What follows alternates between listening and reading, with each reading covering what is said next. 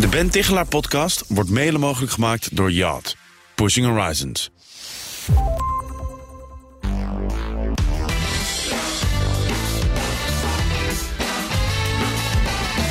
En we gaan je werk weer een vliegende start geven. Het is maandag en dus is het tijd rond dit tijdstip altijd voor Ben Tichelaar.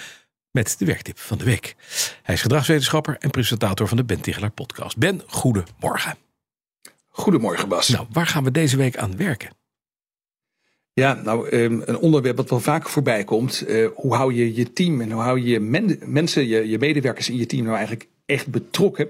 Er is heel veel onderzoek op dat gebied, komt vaak voorbij. Maar het antwoord eigenlijk, als je het helemaal afpeelt, dan is goede communicatie is eigenlijk key. Gewoon echte gesprekken, regelmatig spreken, één op één met medewerkers. Dat, dat staat iedere keer opnieuw bovenaan in de lijstjes. Ja. Maar nee, dus niet, niet wat, wat dat kennen veel managers, hè, wat je dan moet doen. Maar je gaat zitten en dan nodig iemand uit voor een kopje koffie. Ja, ja dan komt het, en dan komt er daarna een Ja. evaluatieverslag. Dat is het dus niet, hè? Laten we dat even helder Nee, hebben. nee, dat is het niet. Nee, eh, Mensen vragen dan inderdaad eh, van nou, hoe moet dat dan? Waar heb je het over? Maar Ja. ook bijvoorbeeld, hoe vaak? Nou, als je het even zonder mitsen en maren doet en zonder nuances. Hè, er is natuurlijk in de wetenschap het van alles over te zeggen. Maar Ja. het ideale ritme is eigenlijk iedere week een check-in van... Nou, in ieder geval een kwartiertje minstens. En elk kwartaal een langer gesprek. Dus als je nou je afvraagt van... als ik nou iets moet gaan plannen, wat moet het dan zijn? Iedere week, individueel, Ja. ongeveer een kwartiertje. En elk kwartaal een wat langer gesprek. En dat zijn dan niet de toevallige gesprekjes bij de koffieautomaat. Dat is natuurlijk ook heel leuk en, eh, en nuttig. Maar het gaat over echte gesprekken die je ook gepland hebt in je agenda. Ja, ja. En eh, ja, dan is natuurlijk de vraag een beetje waar moet dat over gaan? Nou, wekelijks moet je praten over de prioriteiten voor deze week. En wat mensen daarvoor nodig hebben. Dat gaat dan eigenlijk, je zou kunnen zeggen, vooral over het werk. En dat drie maandelijkse gesprek, dat gaat meer over de persoon. Over hoe zit je eh, ja, erin? wat, wat zou je willen? Ja, hoe zit je, precies. ja, waar wil je naartoe? Eh, Wat, eh, wat zou je willen qua ontwikkeling?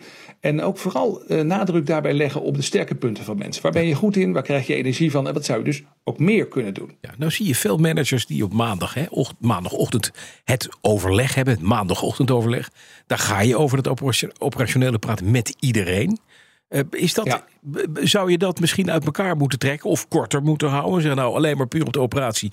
En daarna pak ik een uurtje en dan ga ik met die, die vijf, zes teamleden ga ik nog even napraten. Ja. ja, dat is eigenlijk bijvoorbeeld een hele goede manier. Je kunt eh, het maandagochtendoverleg kort houden. Puur even op Ja. eh, het werk wat die week moet worden gedaan. En ook op de samenwerking. Dus waar zouden mensen elkaar mee kunnen helpen? Mhm. Ja.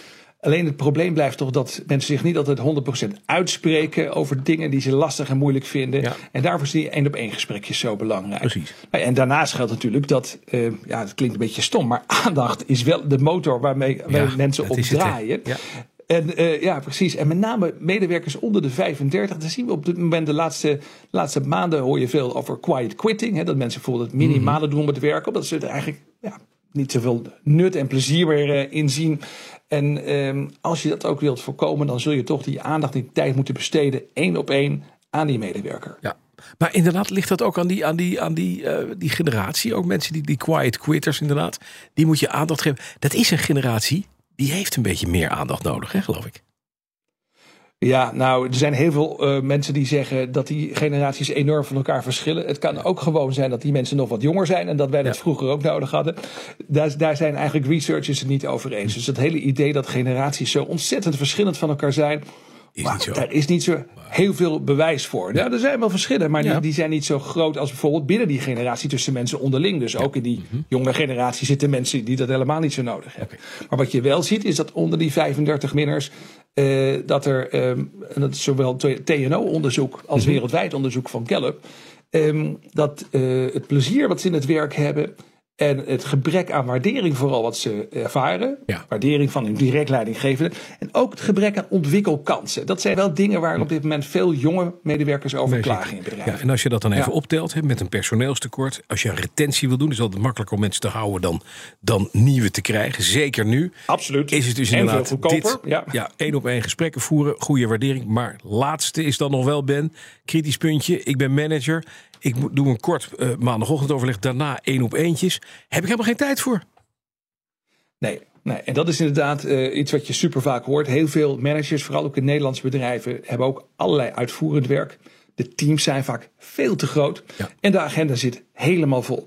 En eh, ja, het is een beetje flauw misschien. Maar wat je dan moet doen als manager is in gesprek gaan met je eigen, leidinggevende. Ja. En, en, en eh, eigenlijk moet die, jouw leidinggevende, jouw manager, eh, moet eigenlijk ook nadenken over deze vraag. Ja, zeker. Hoe kan ik zorgen dat mijn managers hun werk kunnen doen? Kijk, de nummer één taak van een leidinggevende, de nummer één taak van een manager, is om de mensen in jouw team goed te laten functioneren, optimaal te laten, laten functioneren. Ja. Zorgen dat ze blijven, Ja. eh, op zijn minst. Hè. Dat is wel het eerste wat daarvoor nodig is. En als, als je daar eigenlijk geen invulling aan kunt geven, dan heb je echt de Mission Impossible gekregen. En dan, ja. dan is dit misschien ook wel een goede tijd om eens een keer om je heen te gaan kijken. Dankjewel. Ben Tichelaar, tot volgende week. Ben podcast kun je luisteren op bnr.nl via je favoriete podcast app. En elke woensdag is daarvan een nieuwe aflevering.